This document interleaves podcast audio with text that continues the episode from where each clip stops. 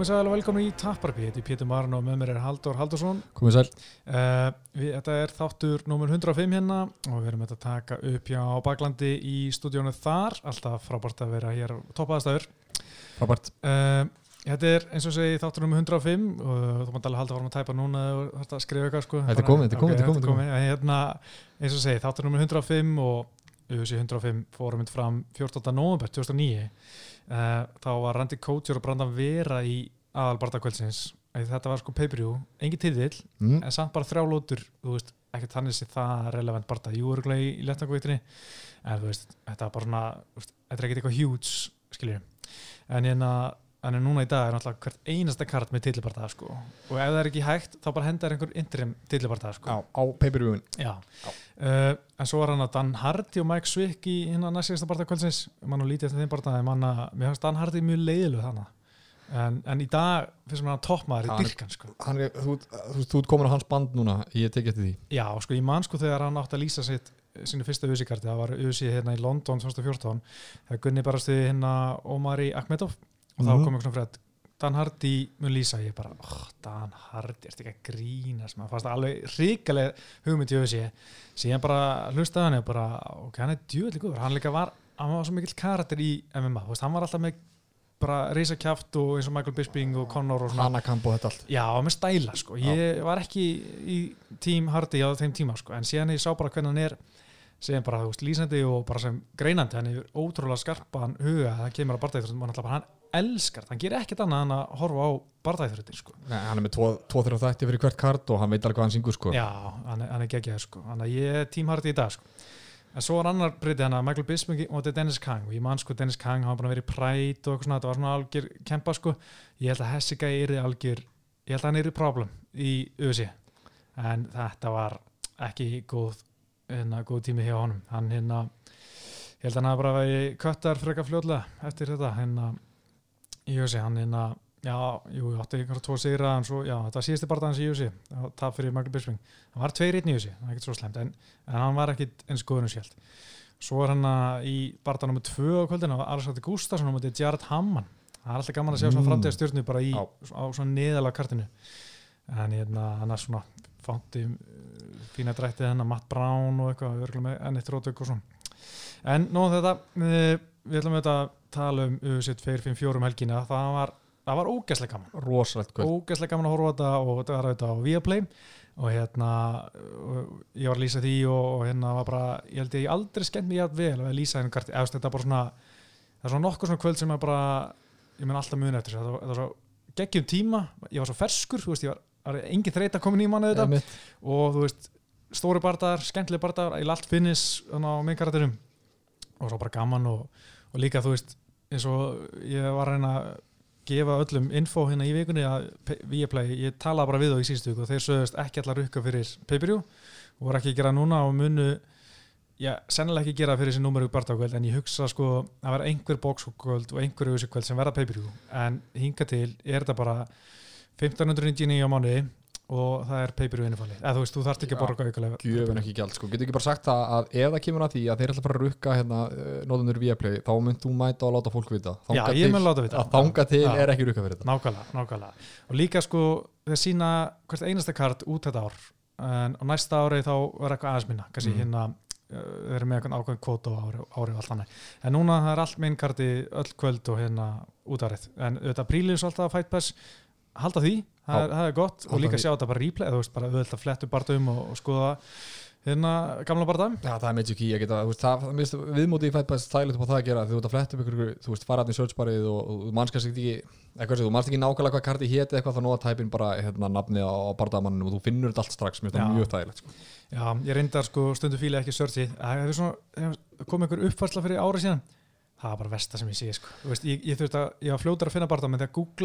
það var var það með skrifa eitthvað Michael Bisping versus þessi UFC Fight Pass og þá koma í stæðan fyrir að vera á inna Fight Pass og googla ok, ok, sko, ég þekki nefnilega ekkert annað, sko, ég Já. man eftir, ég hlustaði ekkert, ég tapar ekki alveg það, þú varst að tala um þetta, nýja uppfærslan komin og þú varst að bölvinni, sko, þá var ég ekki Já. með Fightpass, nú er ég Já. með Fightpass, ég er, á, veist, ég er á vagninum, Já, ég elska innhaldi Já. en já, en nú það. Nóðum það. áður fyrir að fara yfir karti svona heilsinni, þá ætla þú að láta ljósið skína og koma með boom ultralight trilluna, það er trillan. Já, bingo ég er búin að býða spenntur alla vikuna.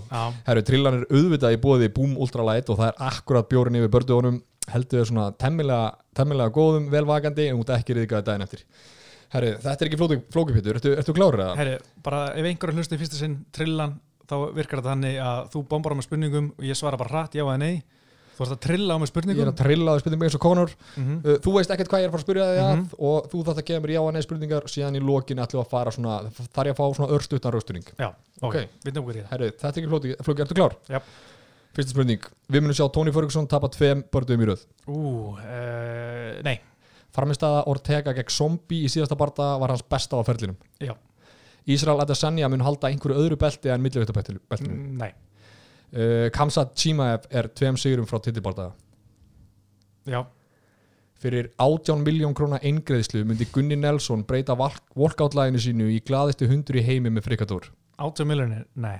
Nei, Jú, ég held að 80 miljonir, jú, jú. Heru, það voru fimm spurningar, í, spurningar í, í, í þessari trillu þar sem Bjarki er ekki með okkur í dag þannig að ég gætt haft þetta aðeins lengur aðeins lengra, herðu, fyrsta spurning. Við munum, sjá, eh, við munum ekki sjá Tony Ferguson tapa tveimur röð Já, sko, ég held að ég er, svona, ég er alls ekki viss um þetta en sko, maður heldur að hann sé pín á niðurleið að því hann er búin að að tóknum orðin 36 og allt það mm. og tapað frekar illa í síðustu barða en Justy Gaethje var geggjör þar. Já, en, en þá var hann líka að koma inn sko eftir mjög langt kamp. Hann var búin að vera í sko kampi skiljur frá janúar og áttuði náttúrulega berist í apríl.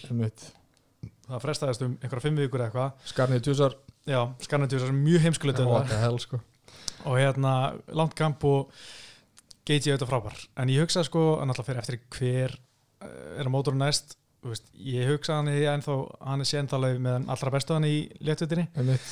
þú veist, Dustin Poirier ég geti trú að hann myndi vinna Tony Ferguson, uh, ég geti trú að Tony myndi vinna Michael Chandler og Dan Hooker Já. þannig að fyrir svolítið eftir í að uh, hver að vera á mótunum en ég, ég ætla að gefa Tony ég, ætla ekki, hérna, ég er ekki búin að gefa hann upp á, hérna, gefast upp á hann við komumst að þessu í næsta, í, eftir næsta barða fáum við bara, fá, bara svarið við þessu hvort er rétt Já, rátt ég, sko, ég, ég get einhvern veginn ekki ímyndað mér. Ég hallast að, já, við myndum, við myndum Mm. sjá hann tapa tvisar en, eins og segi, ég er ekki viss. Framistæða Ortega gegn Zombie var hans besta á ferlinum það var já í því, Pétur. Já, það var auðvöldasta ok. ég var bara, þurfti ekki hugsa með neitt um sko. það var hans langbesta ferl,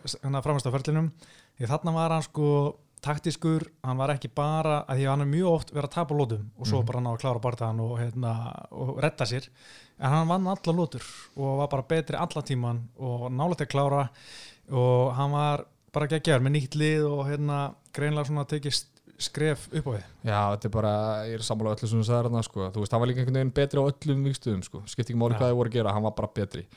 Uh, vel gert eftir tvö ár, það er ekkert Mhm. meira um þetta að segja það. Herru, Israel Adesanya mun halda einhverju öðru belti en millihjöftabeltinu og það var nei þar.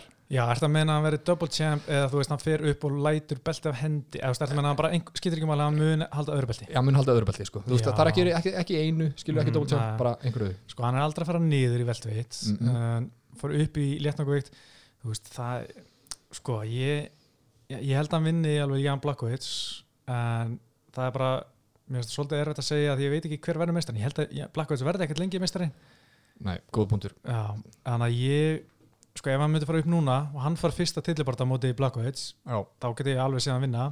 En við erum alltaf vannmetal Blackovits notabenni sko. Rétt. en uh, úst, ef það er einhverja svona stóru gæðum bara talandum eins og sáum helgina Magobet Angaleif þetta eru, þessi gæðar eru vesen sko. Eru og að það er ekki stór í milliðinni uh, hann er langur en hann er mjög grannur hann er skinny, Skinny. eins og hann segir sjálfur Já.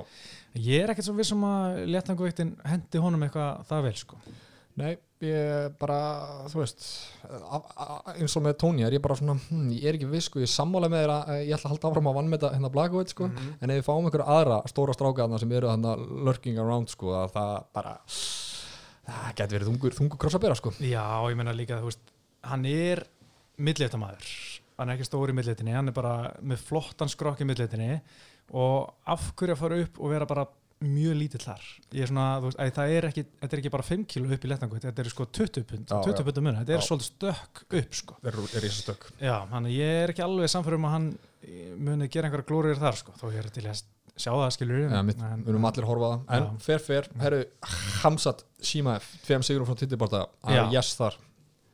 Já, ef hann vinnur þá ef hann vinnur líka Já, að tveim, tveim sigurum. Já, ef hann vinnur líka netvars þá er hann gæti hann jafnvel fengið tillibart eftir það Já. eða þú veist, einn í viðbót. En ég hugsa að koma ekki til þess, ég held að líka netvars vinna hann Já, ok, já, ok, það er bara fair enough sko. Já, en, en, en, en ef hann vinnur Edwards, þá held ég að þennan auka bardaða sem kemur þá var hann 100% Já, Dana White komin í titilin Ég segi mann dominati Leon Edwards og, og Dana White eftir að íta á góðtakan á honum sko, Já. og bara, þú veist, púsa þessum gæja alveg fremst sko, 100% 100% Herru, síðasta, síða, já, við erum að taka, Já. taka fram fyrir hlustundur að síðasta spurningin er yfirreitt svona í sprellikantinum sko, eitthvað svona gaman að velta fyrir sér. Já, Herru, fyrir 18 miljonar krona eingreðslu myndi Gunnar Nelson breyta walkout-læginu sínu í glaðasti hundur í heimi með frikador Já, ég sagði fyrst nei, Já. ég sá strax eftir því sko, að því að ég var fyrst eitthvað svona, nei, hann myndi ekki láta eitthvað svona fíblaleti fara að breyta einhver svona, en nú erum við að tala um 18 miljónir sko, þú veist, það er svona eitthvað svipa hann fær fyrir bardaða sko, þú veist, af hverju eitthvað tvöfald upp að hann sem fær bara fyrir eitthvað yngugala, svo getur við með headphone skilur, það skiptir engum máli. En ég sko, ég er að segja, sko, ok, segjum að gefum okkur eitthvað hérna, Gunni er að fara að slást fjórum-fimm sinni viðbútt, sko, hann Mhm. fær núna 18 miljonir en það þarf að vera þá hundur í heimi fjórum-fimm sinni viðbútt mm, ok, hann fær ekki 18 fyrir hverja. Nei, nei, nei, eingreðsla, það er það. Já, já, hann, jú, ég hugsa að myndi bara segja já þessu og vera með Airpods eitthvað og vera með alvöru lag sem kemur honum í gang en aftur á móti, sko, UFC getur alveg sagt nei við glæðastu undir heimi sko. Já, já, þeir hafa gert annað eins Já, þeir náttúrulega voru ekki mjög spennti fyrir hérna hjálmalæginu, leiðin okkar allra mm. þeir voru alltaf að reyna að fá hann til að skipta um lag Já, ok, en svo daginn, ég held að veri sko fyrir eh, eftir svona fjóru fimm barta þá voru hættir að pressa á Gunna og Mm. þá að skipta um lag en sko, ennumlega pínu fyndi þeir kom alltaf með Gunni og Halli og þeir kom alltaf með eitthvað lag á móti sem var miklu, veist, það var hérna hvað var þetta, hérna sjóaralægið eitthvað hérna? Brennið þið vitar? Já, já, já, já, já það sko. En sko, hitt var einhvern veginn svo epist, sko, hérna, hjálmalæði, hérna, leiðin okkar allra þú veist, mér fannst það svo íslenskt, sko, mér fannst það svo einhvern einkennandi fyrir einhvern veginn Gunna og karakterunars en það væri svolítið alveg fyndið að það væri hérna allir íslendingar heima, Gunni var að berjast allir einhvern veginn á taugum heim heim í stofu og, og sjá, kæmi og ég er gleðast, þetta væri alveg stemning, sko. það væri styrla sko. Já, herru, þá er þetta uppurð, já, bara til næst. Þetta er stuð, stemning, vel svarað. Já ég er bara annað með þetta sko en hérna, já, hérna við erum búin með að klára trilluna, það var góð trilla. Þetta er góð til að, bara að þessu. Ég var ánað með það. Nú fyrir við í málmálana, UFC 254. Það er þetta Khabib, Justin Gaethje. Khabib sigur eftir triangle í annar lóti. Ég held að enginn í heiminum hafi giskað á það. Ný. En uh, sko ég verð að byrja þetta að segja að ég skammast mér pínu. Nú, Ég skammast mér fyrir að hafa tippa á Justin Gaethje og fyrir að hafa tippa tvísvar gegn Khabib. Bara, þú veist, mér langar að byrja hann afsökunar. Já. Þegar hann er svo ógeðslega góður að mér finnst það bara vandrarlegt að, að halda hann hafi tapað. Að geti tapað, sko. ja, hann er pottið að hlusta og hérna, ég held að hann fyrirgefið þér sko Já, ég vona það, sko. ég tók hann sko, en hann, næst, hann er bara okkur öðru leveli en allir Já. hinnir sko, hann er bara, þú veist, hann er einhverjum nokkrum áratugum á undan hinnum sko Já, þetta er eiginlega bara rugg og það eiginlega bara ennþá meira pyrranda að sé að hætta því hann er ennþá langbestur í þessum flokki Já, en uh, fyrir kannski betur í það eftir en, en sko þessi framlæsta var sko við höfum tröllatrú þú veist, þó að menn hafa ha verið að teipa á hérna Khabib, höfum menn satt alveg trú að Justin Gaethje geti gert þetta einhverju barda þetta væri, er vesen sko, menn held að, að Gaethje er kannski, já svona stærsta erfast áskorunum fyrir, fyrir Khabib, en hann var eiginlega ekki þannig því að bara núna verðist þetta vera þannig bara sama hvaða vopn þú kemur með í búrið skiptir ykkur máli, þú var sett með þenn All American Wrestler hann bara gera sem hann vill. Hann er bara með það gott Emma wrestling og Emma grapplinga það bara, hann núlar allt Já, sko, ég man ekki hverju heyrði það ég heyrði einhvers, einhverstaðar hérna, einhver tíman að um, sko, að við fyrum, færum okkur allarlega í UFC 1 og þetta allt, sko, þetta var að byrja. Þú veist, þá var hérna Gracie, gæinn sem þú veist, var, var specialistinn sem var að, var að sláta þetta þú veist, gæðin sem voru að vinna, sko, hann var Mhm. með titsuðið og hann var specialistinn, hann var að vinna alltaf síðan svarið við því þegar við komum um eitthvað aðeins síðar þá vorum við að tala um hérna, hérna GSP, þú veist, þá var hann svona well-rounded, þá var hann svarið við specialistunum mm. og síðan, þú veist, þá eru allir well-rounded og núna er þá svarið við því að vera well-rounded er að vera svona super specialisti já. eins og, hérna, eins og Kabiber sko. uh, mér fannst það mjög, mjög áhvert en talandi um leikplanið hjá, hérna, hjá Gaethje, sko, þegar ég var að horfa á það eða, sko, þegar vini mínir sem kannski er ekki all-in voru að spyrja mig, heyrðu á hann eitthvað sens, þá var ég að segja á alla, já, það er einhver sem á sens, er það hann, sko Já. en sko, því ég var að horfa á þetta fyrst þá fannst mér Gaethje bara gasa ekkert eðlilega snemma og bara, þegar hann er ekki í þessu formi sem hann átti að vera í, sem horfði ég að barta hann aftur og þá var það bara því að sko, Kapi bara setja ekkert eðlilegt peisa á hann sko, og hann var bara á, á bakkandi, bakkandi allan tíman sko. Já, það voru tve, fyrstu tvær myndurna mjög rólegar, þeir voru svona að lesa hvern annan og svo bara kemur bara allt í henni bara rosa hátt pace og Mhm. sko hérna, uh, hann Kapi klinsa við Gaethje, en Gaethje bara svona losar úr, úr í strax og hann er bara þvílitt mikið á hlaupum og er að fullun mikill hreyfalegi en sko, svo bara fer þetta svona aðeins að sko hægjast á Gaethje og þetta, mér fannst að vera sko þessi pressa hjá Kapi var náttúrulega rosaleg. Mm. en þú veist, ég fyrir hvert svona, ef, þegar Kapi var að taka tvö skref til hliða til að skýra búri þá var sko Gaethje að skokka fjögur skref Já, í einmitt. kringum hann, þú veist, þetta er bara eins og var hlaupabraut og veist, Kapi bara á hérna, fyrstu braut, eða ístu brautinni nei, hérna, Innstu, innstu brautinni einmitt. og meðan Gaethje var á svona fjóruð fyndu braut sko, alltaf hlaupa miklu lengri vegalend heldur en Já. Kapi og að reyna að fara hraðar en hann og hann bara var eða hlaupa á meðan Kapi var kannski bara að stíða nokkuð skref Já. og mér fannst það bara ekki þóra nei, hérna ná að halda þessu peysi sko. Því hann var alltaf spilin leik að hérna gera eins og svo margir voru að tala um þú veist að halda miðinu, ekki vera að koma fyrir aftan sjóstulínu og ekki vera að nála búrinu því að það er Einmitt. en hann var bara ekki að komast undan þessari pressu frá, frá Kapi sko. Nei, það var bara akkurat málið og, og að tala um að hann var á hlaupum allan tíman og, og, og ekki nóg með þú veist að hlaupum allan tíman þá varstu þú veist stressaði við að fá ekki högg e, e, jabi frá, frá hérna Kabib sem nú frekar gott Já. eða þá að vera tekið niður sko, þú stressaði allan tíman en sko að því sögðu fannst mér leikplani hjá Gaethje veist, það var að virka upp að vissu marki sko, Mm. það bara tók meiri orku en hann hefði kannski reiknað með, hann, eins og þú segir, hann var að halda sér innan, innan svörtulínuna og þessi spörk hans í lapinunar Kabib, Já. þau voru að hitta á þetta voru þung högg og, og þú veist, hefði ekki farið sem farið sko, hann hefði, al- hefði al- haldið áfram að koma inn í þessum þungu högg- hérna, spörkum í, í lapinunar á honum, þá hefði við kannski, kannski geta séð einhverjar, einhverjar, einhver, einhver önnur úslind en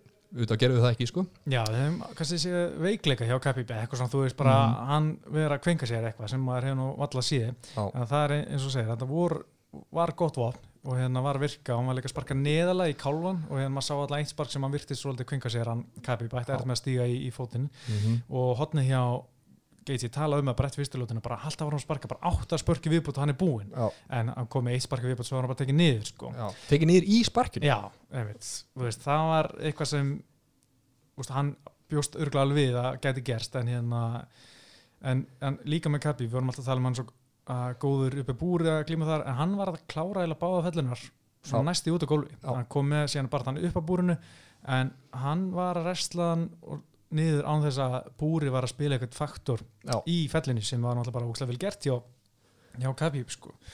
og hérna fárlega uh, bara, veist gameplanið og allt gekk upp á, hérna, var upp á tíu hjá Khabib og, og gameplanið á Gaethje var líka með að vera fínt en hann hafði bara ekki orkunni að halda uppi og hérna og kannski ekki alveg svona bara var ekki eins góður í gólfunu Já, bara var ja, þetta er góða punktur með, með gólunum sko, því að allir að tala með ef hann heldur sér af ef hann heldur sér af hérna, ef hann ekki uppi búrið sko, Mhm. þá er þetta alltaf séns og þú veist, uh, fólk að segja sko, þú veist, standandi er á Gaethje að vera betri, í glímunni getur Gaethje alveg hangi með honum eða er út á Mhm. miður gólfi sko, en síðan leiðu komið í gólfi þar sást sko heimin á haf Mhm. á milli sko getur þessara manna og líka litla fléttan hjá, hjá Khabib sko, hann einhvern veginn þú veist, tók bakið, fór í mount reyndi armbar og sem var beint yfir í triangle alltaf Mm. mm. 15 sekundum sko. Já. og maður bara, þú veist, hva- hva- hvað er að gerast þetta sko? Einmitt, sko. ég hérna þegar hann var að láta sér detta á baki þú veist, oft ef maður sér menn láta sér detta á baki til að klára træðingul Já. oftast endar í að þeir ná ekki að klára það, er erfitt að klára træðingul á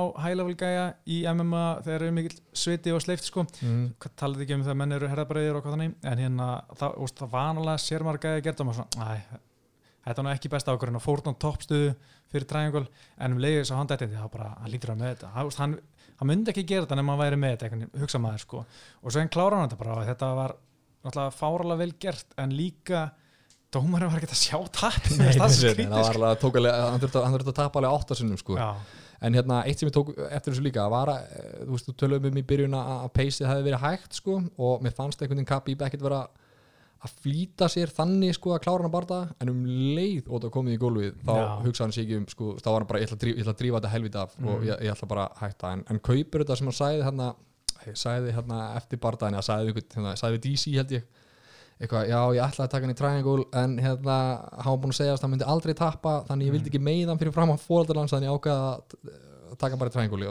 vort Já. í stæðan fyrir árbar á ég við. Ég veit það ekki því að hann fór náttúrulega í arbar í fyrstu lótu mm. Þannig að hann þá bara að fara inn í arbar og ok, ég ætla ekki að, hætta, hva, hvað var planið þar? Já, já, nei, nei, ég, ég tekið þetta bara næstu lóti Já, Já, nei, ég kaupið ekki Já, Kaupið ég er ekki alveg samfæður en þetta er ógslag flott. Já, og þú veist bara, já, mamma og pappi er hann ætla ekki brjóta hundin á hann fyrir framann en ég veit ekki hvort að það er allar tíma að vera planið eða hvort hann að vera að hugsa það allar tíman, ég veit ekki ég, ég veit ekki hvort ég kaupið al, kaupið alveg því að því hann fór í arbar í fyrsta já.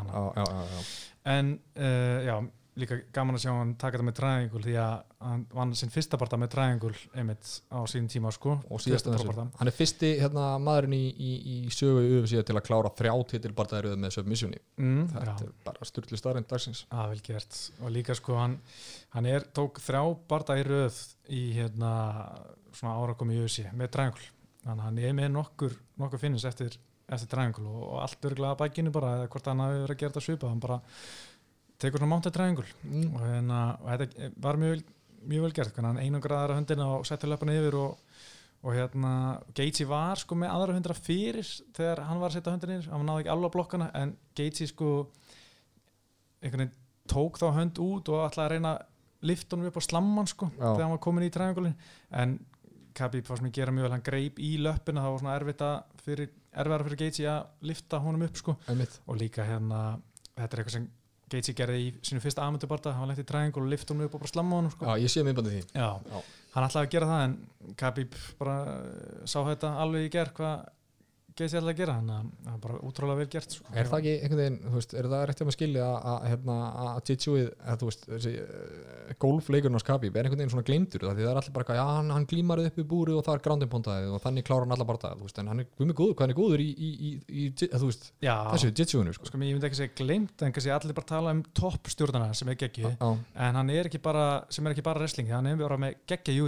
það er bara, þú veist, Já. sem á alveg kalla sambó líka en þetta er allt sami leik, leikurinn eh, það kemur að því að þetta er bara glíma en hann er bara með bara gott júitsu all around þú veist, líka að bækinu og hérna, maður sá það svona pínulítið móti hérna, Abel Trujillo og líka eitthvað svona ára komið í össi, hann var að klára barndað með arbar og eitthvað á bækinu að þegar hann, hérna, Abel Trujillo komst loksis á í þeirra barda en á 2013 að þá fór hann strax í triangle en lóta að kláraðist. Mm, en hann var svona, ok, hann er greinlega með eitthvað game á bækinu það var eitthvað sem menn var eitthvað pæli í sko fyrir þennan barða hvort það geiti myndin komst ofan á.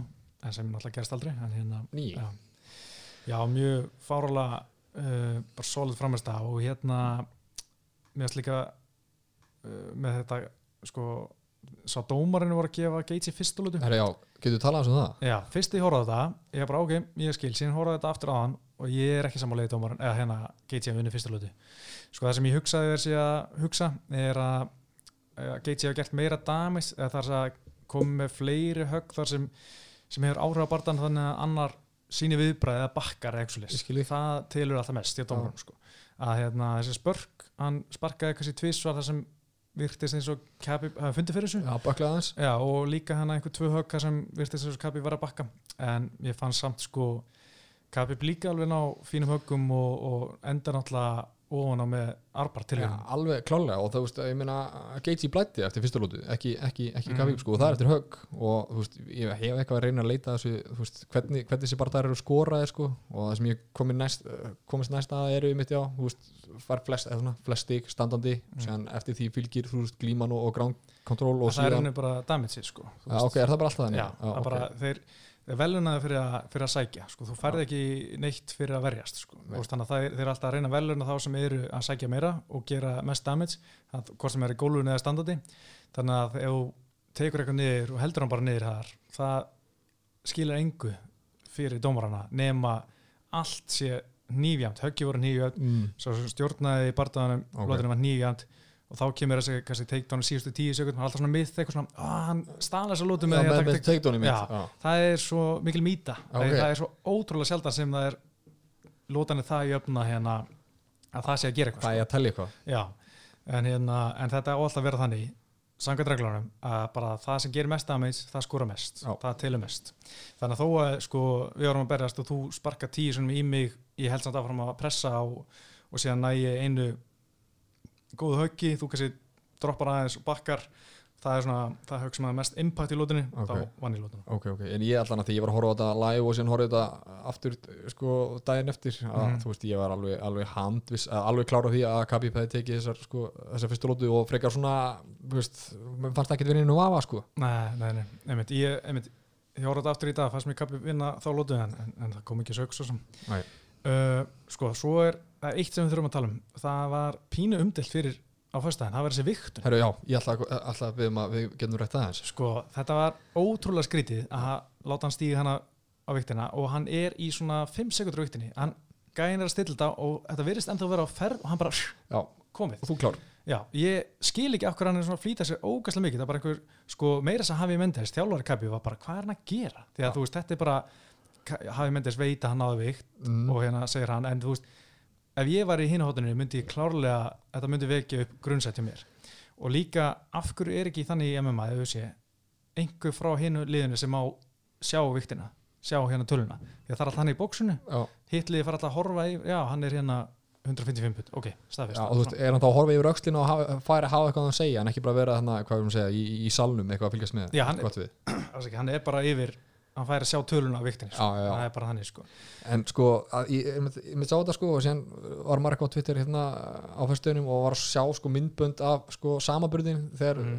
Kabi fór á hérna viktina og síðan það Gaethje fór á viktina og þegar Gaethje er viktina þú veist þá kom Gaurinn, farið þetta á hérna töluna það sem þetta er og svona mm. beigð alveg í lét alveg góðar fjóra-fimm sekundur líða og síðan, Mhm. en þarna bara þú klár, eð, þú veist, og þetta var hérna ég veit ekki alveg hvernig svona viktar, viktar virka en þetta var veginn ennþá upplið og hann bara kss, ok, Já. út klár, en þú veist, en af hverju Pétur, Eh. af hverju Mm. notar ekki bara digital vikt, þú veist, þetta er með ráðum gert sko. já, sko ég eina sem ég sé er að þær þykja ekki nógu nákvæmar já, það er bara eina sem ég hýrt eina ástæðan fyrir að menn nota ennþá þessa vikt þeir telja að þetta sé nákvæmara nákvæmara vikt sko. En þetta býður upp á einhvern svona, þú veist, Mhm. þetta býður upp á einhvern svona samsærikskenningar eins og við erum með núna, sko. já, já, ég veit það sko. þetta, er, þetta er skrítið sko. en, en svo að við getum alveg tekið fyrir hann ég held hann hafi alveg ég, að því að sko þú, hann á þessum hótelunum, það er alltaf einu vikt sem er sko digital vikt sem mm. Mhm. bara getur alltaf að tjekka, bara hvernig sem er alla vikuna tjekka viktinni Ok. og hún á að vera eins lík og alveg viktin er, veist, bara, það er bara stilla þær þannig að það er, þú veist 77 kilo hana, það áttu að vera 77 kilo henni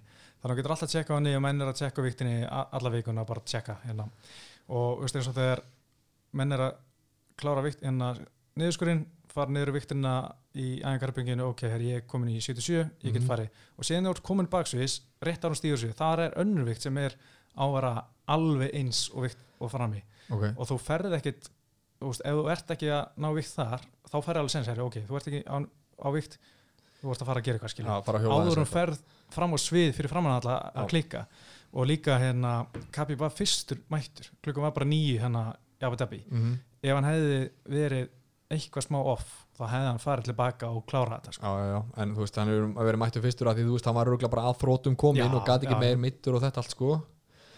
Uh, en sko, eitt, í þessu líka var að, sko, viðbröðin, við, viðbröðin hans sem voru alltaf fyrst í fréttamaturinn hann, Mhm. þú veist, hvernig hann var að leta á viktinu, sko, þú veist, kannski spáði ekkert mikið í þá, en þú veist, hann var, að mér fann, sko, fyrst var hann hissa í svona eina Mhm. sekundu og síðan var hann fegin, sko.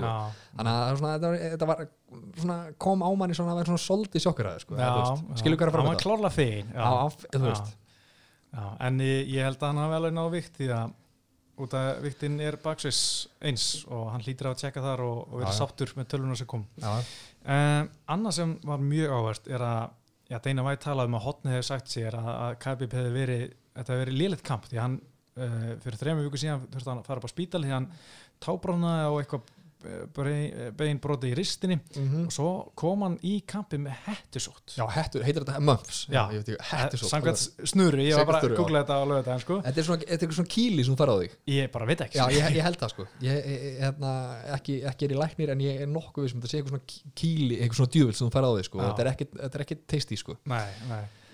Þetta hefur uh, skemmtilegt kamp já, en sko, þú veist var hann ekki sína myndir á Twitter í dag sem var sko um, dagsett 8. oktober eða eitthvað sko og, og, og, hérna löpina á honum tvöföld sko Mhm. þannig að, en ég held að DC hafi verið að segja í einhverju hérna podcast í gær með Aral Hall og Anni að hérna það er byrjað með illa en síðustu tvær vikunar, tvær, tvær og hálf þá hafa hann verið bara sjálfur sér líkur og hann einhvern veginn þetta var, hafi aldrei verið einhverjum efa í, í hans huga sko, Nei. þetta myndi fara eins og þetta færi sko.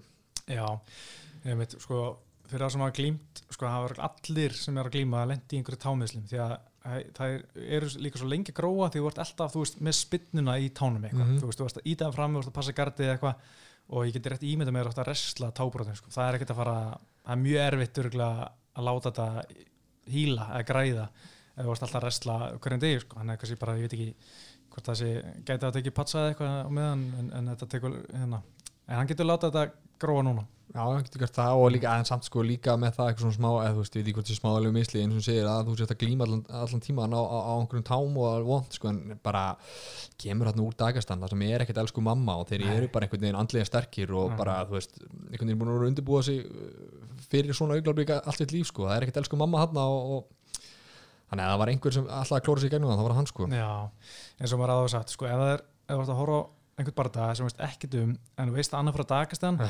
og hinn er bara einhvern chat frá Kaliforníu, þú tippar að Dagestan sko. þú veist, það er bara einhvern veginn, þetta eru tveir ólíkir karakterar, bara það er, er ekki sens, Já. þú veist Herru, síðan kom hérna Pound for Pound rankings kom í dag, hérna hann Já. rankar nummer eitt Já, sko ég, ég er alveg á því, hann sé besti barðamari heimi pundur og pund, Já, í dag sko Já. alveg bara engin spurning sko og hérna ég bara nenni ekki John Jones, bara okkur þegi, bara láttu síma frá þau og gæðu manninu smá breyki að vera pound og pound í viku, því hann er hættur já, já, já. gæðu hann þetta bara í viku svo næstu og best, segðu bara herri ég er hérna pound og pound bestur og byrja að tala um alla titilvartanina og titilvartanina hérna þá Mm. og já, leiðu hann að fá smá moment sko. Smá moment sko, hann, hann var sko ég held að Bardaðan var ekki, var ekki þú veist, hann var ekki komin af mæknum sko með John Anik þú veist, hann var mættur á Twitter Já. og það segir bara, ég, ég, ég geitir hérna ég Nei, er Pound bestur hérna sko. uh, og síðan uh, sást þetta mínútu myndband sem hann gaf þarna út núna Já. já, þetta er ekki gott lúk fyrir þig sko nei, það er öllum sama um þig þetta er ekki gott lúk sko. Síðan, þú veist, maður má fara að velta þessi fyrir sér sko að, þú veist, John Jones fekk titilbarda eftir fjóra barda hefur sér í Já, Þú það er hvað meira það held ég. hvað, er ég öruglega það? smá held ég. Ok, allavega en þú veist, uh, fekk allavega Kabi fekk eftir nýju bardaga sko, Mhm, þannig að þú veist það er þessi rauk Já, einmitt sko, þetta var tók smá tíma sko. Já, John Jones var með þetta eru uh, sjöbartar En ég er tilbaka. Allt er góð, allt er góð, en sko John Jones þetta er svo, þú veist, þetta er svo leiðilegu gæ hann bara heldur áfram að vera leiðilegur á Twitter sko. Þetta er ekki gott lúk, að, veist, þetta er einhvern veginn svona, eins og segir, bara þegiðu aðeins sko, Já. þú veist, hann var að hætta og þú veist, Mhm. maður var alveg þvílíkt inn maður feelings þetta, að sjá þetta gerast og þú veist, ég var að horfa á þetta Uh, veist, hann er Kabi Björg getur uppáhaldsbarða maður er minn persónulega sko, Nei. en ég var að horfa á þetta og hann var að hætta þarna og var að tala um pappa sinn og, Mhm. og lofa mömmu sinni og, og, og þetta allt sko, þú veist, maður hugsaði bara að það er ekki annað hætta en að bera virðingu fyrir þessu manni sko, og, Já, og síðan svona, svona kom það yfir mig að því ég var að horfa á þetta í sjónvarpinu við var búið með nokkra búmóltra light að Já. þetta var svona iconic augnablik úr íþróttum sko. Já. þú veist eins og þú veist þegar Jordan setti þarna loka skotið á John Eli Mm. eða þegar Solskjaer skoraði þarna mútið bæðin munn hérna Mm. á síðustu mínutunni mestradeldinni ég tengdi allavega sko, ég persónulega tengdi þú veist, þegar Kabi bara hætta við þessi augnablik sko, þetta er eitthvað Já. sem lifir sko. Mhm. þannig að þú veist, þetta er risastort já, þetta var líka svona, um leiðu ég sá hann var að taka hanskana að sér, ég sé svo eftir að ekki satt það í útsendingunni, ég var bara svona hann var að hætta, bara, hann var svo mikið að brasa að taka hanskana af sér. Okay. og veist, maður sér stundum menn taka hanskana af sér strax bara því að eru þröngir eða eitthvað þannig. Mm en hann var strax að taka hanskana af sér var mikið bras og var svona, þetta er visen og ég bara, ah, ok, þetta er búið, hann er að fara að hætta. En þú veist, samt fyrirfram hefði ég aldrei búist í því, sko. Ég held að myndi allan taka allan að ná 30-0 Já, ég bara uh, komur í op- opnum sköldu sko. ég tók ekki eftir þessu han- hanskadæmi sko, því ég var einhvern veginn bara svo upptjúnaður eftir þetta allt saman Mm. sko. uh, og þú veist, ég meina kom einhvern veginn allir sem, veist, allir umræði eitthvað fannst þér eins og hann væri að fara að hætta? Og allir bara nei, ég að Mhm. það kom mér óvart sko. eins og segir þetta 30-0 þjálfarna Já, ég bara líka bara, hmm, það vissi þetta enginn, kannski nema hann og mamma það er svolítið magna sko. en heldur hann sé í alveg hættur sko, sko mitt teika á þessu er að hann er, hann trúir því núna að hann sé hættur sko. þú veist, Mhm. uh, pappans í, í raunni er uh, hérna, hann er bara nýláttinn mm hann hefur einhvern veginn ekki fengið að sirkja almennilega og núna, þú veist, er þetta bara aðeins frá og núna fær hann að vera með fjölskyldinni og, Mm. og, og bara einhvern veginn ná sér og, og sirkja, já, með fjölskyldinni og hann, og hann áttur að halda fram að þjálfa og hjálpa Makachev og, Mm. og, og gaurum í AKA og ég gef mér það, hvað, hvað er hann, 32 ára? 32 ára, já að veist, við sjáum hann eftir tvö ár sko. Já, ég, það. ég er þar sko. Já, en ég, ég, sko, ég trúi því að hann trúi því að hann sé hættu núna. Já, en, en við munum sjá hann eftir tvö ár. Hvað heldur það að sé þá sem dreifur hann aftur að borði. Æ, þú veist, erfitt að segja það en það, þú veist, að einhvern veginn, þetta er alltaf svona já, æ, þegar konur hættur þá, konur hættur þá er, þú veist, Andersson Silva hættur hvað ætlar að gera þá, eða þegar Mm. GSP hættur hvað ætlar að gera þá, það kemur alltaf einhver nýr mm. Það kemur alltaf einhver nýr og, Mm. og, og, og við kannski vitum, vitum ekki á nú núna eða þú veist, við erum ekki búin að uppgöta hana núna en þessi nýja á eftir að koma og það að hann sko. Sko það er einmitt eins og MMA retirements þetta bara endist ekki nýtt og, og alltaf þegar einhver hættir þá setur maður alltaf smá svona fyrirvara. Já, Mhm. kemur aftur eftir veist, bara Henry Cejudo hann kemur aftur eftir Já, eitt hann, ár sko. hann kemur. Já, veist, maður er bara svona, æ, þú veist maður nennir ekki að eins og skrifa um þetta sko. Sérstaklega þegar Conor hættir, maður bara, já, já, sætla vertu. Bara gaman yfir þér skilur á, á Twitter og, og svo bara býði eftir næsta hjá sko. en með Khabib sko, að því að hann er svona, hann er svolítið svona maður orða sinna, Já. hann er ekkert mikið að bullshita í fólki og hann þú veist, tala um að er svo erfitt að fyrir hann að berjast án pappa sín sko. Ok, kannski mun að jafna sig á því og þú veist, vera þá frekar til í, í að berjast og búin að gefa lofur til mömmu sinnar. En mér finnst bara einhvern veginn svona eins og honum finnst hann vera búin að gera allt sem hann getur gert og það sé ekkert meira fyrir hann sem, sem hillar og þó kom einhver nýr það bara leiður honum að njóta hérna, sviðsljósins og, hérna, og hann sé bara mestur og KBB er bara hættur. Hann er bara í einhverju þorpi í fjöllunum í dagastan mm og bara lifa næst lífið þar og hoppar við og við með eitthvað, eitthvað skrimsli með sér í UFC sem er að kemur frá dagastan Þetta er, satt, veist, þetta er rétt hjá þér, ég ætla ekki að fara á bakveða ég ætla ekki að fara á móti því sem ég var að segja sko, en Mm. af því þetta er hann af því þetta er ekki Conor, af því þetta er ekki Henry Cejudo, af því þetta er hann og hvernig hann er einhvern veginn gerður og, og, þetta allt sko, þá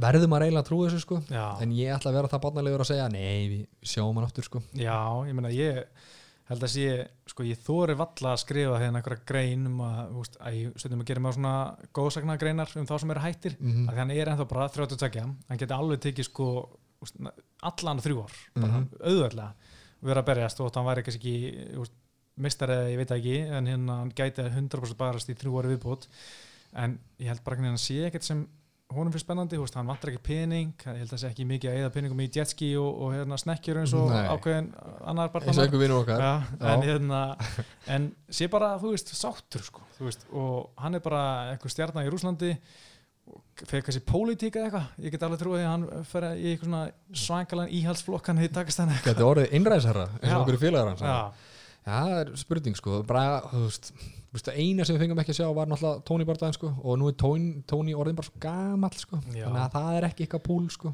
Já en uh, hann, klýraði hann ekki þessa léttvikt sko. Þannig fyrir, ef við tökum Tony út fyrir suga er einhver aðna sko, það er nefnilega punkturinn sko, sem ég ætla að koma í góð umræðinu veist, hann gæti alveg verið með stærri fyrirská í léttvitinni Já. það er alveg gæjar hann sem hann fór ekki móti en það er bara, þú veist hann myndi samt vinna á veist, eins og hérna, Tony Ferguson vinnur hann, Dan Hooker vinnur hann Mhm. Charles Oliveira vinnur hann, þú veist, allir þessi gæjar, það er enginn af þeim sem er eitthvað na, ég veit ekki alveg með hvort það kæpi tangið, hann tekur alla þannig að þú þó hann sé kannski ekki með það mörg risastórna á fyrirskáni þá er þetta samt síðan að bara hvernig hann var dominant á einhvern veginn en, en þú sögulega séð sko þú veist, þá er léttvitin þú veist, hérna, correct me if I'm wrong þú veist, hún er, hún bara, hún er sterk núna sögulega séð sko, hann er, á, veist, hann er að koma upp og er að vinna alltaf þessa barða sko, þú veist, hann er ekki að lappa í gegnum eitthvað eins og þungaugtin hefur verið undarfærið sko. Mm uh, sem var eitthvað að pæla, þú veist, ef við myndum setja einhvern létt uttamann sem var í præminu sko, Mm. á móti KVB í dag þú veist, myndi, Já. myndi BJ Penn ætti hann, sér. Dýninni, þú veist, er einhver annar þú veist, Nei, geti, nei. geti, geti tekið eitthvað annað svona Nei, hann er klárlega besti veist, Ben Henderson pakkar hann saman veist, Frank Edgar pakkar hann saman mm. Veist, en, en að mér finnst pínu leðilegt að hann ná ekki aðeins fleiri tilliförnum að því þú veist hann er sko núna með þrjár tilliförnir það er að mesta í léttutinni söguléttutinni mm. sé hann og Ben Henderson og hérna, eru jafnir með það. Það er ekki það marga tilliförnir það er smá eins og þungaðettinni það er engin svona eitt meistari sem hann að vera úksla lengi svo DSB veltetinni, Anderson Silva í milliveitinni John Jones í letnangveit sem bara á hennar flokk. Um mitt, í einhvern áratugu eða eitthvað. Já, en hérna Khabib hefði alveg getað gert það.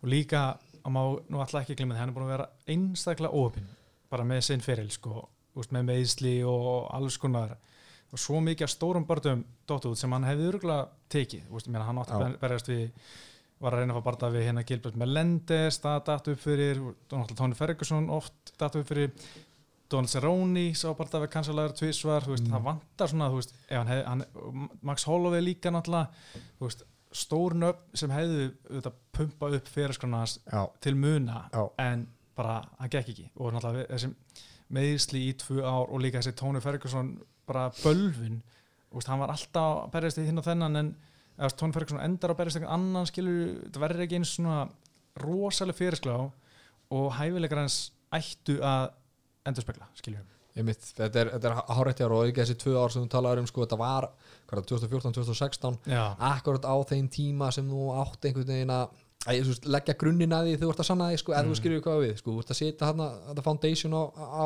að þú ætlar að vera besti allra tíma sko og Já. ég meina fyrir þannig hérna Gaethje-bardaga hugsaði ég að eins gott að hann barast ekki við Tony af því að hann hefði pakkað hann saman og núna eftir hennar Gaethje-bardaga Já. er ég svona ah, kannski, þú veist, ef hefði verið eitthvað skilur, maður fer alltaf í þetta sko já, einmitt sko. en þú veist, þetta er bara bagalegt og vera bara mikil eftirsjá eftir þessum, hérna, eftir þessum manni sko Já, ég mani þetta Dustin Poirier tók þetta gillotín á Khabib og svona var bara nokkuð nálægt í þá voru menn bara Tony, hann, hann vinnur hann eitthvað. Það var áskendlegt en, en það er ekki að fara að gerast bara því miður sko. Já. en uh, sko, fyrst við erum svona næstu í þessu góð umræðin, þetta er náttúrulega mjög þreytt umræð það Mhm. kemur aldrei neitt svar. En sko, greatest of all time úst, er alltaf GSP, þú veist, Anderson Silva George Jones, hérna John Jones og, og þessi kalla fetur og svona. Veist, hver er bestur, Dimitri Jones og líka og allt það? Það mun aldrei koma eitthvað svar en sko, mér finnst Kæpi vera besti bardama sem ég séð. Bara hann er með svo fáa veikleika aldrei vandraðum, úst, tapa valla lótu aldrei fengið skurð, aldrei vera Já. vangar eða kýldi niður einhverju viti. Veist, hann er svo dominant. Ég bara, ef hann heldur svona fram ég bara sé ekki tapa, sé hann ekki tapa. Ég sé ekki hvaða bardamar ætti mögulega, húst, bara hvaða bardamar bara ever, bara tökum alla bardamar sem upp að veri, bara í, í þeirra sko prime, Já. Held ég að Kabi geti unnið alla, Já. bara skiptir ekki máli hvaða skilset þeir eru með einhvern veginn, ég held bara einhvern veginn að hann myndi bara að vinna alla en svo segir maður sko, þú veist uh, náttúrulega Dimitri Johnson miklu fyrir titilvarnir ekki að berast á móti eins góðum gaurum okay. uh, GSP náttúrulega með þessar titilvarnir varði titilinn mjög oft og vann allar þessar bestu en hann lendi alveg í vesinni og, og hann tapaði tvísvar og, hann hendi samt, það ekki? já, hann hendi fyrir þið bæði ok, og hérna vann líka titilinn millveit John Jones veist, náttúrulega með fullta titilverðum en líka falla leoprófum hérna og svona ekki verið eins dominant síðust ár.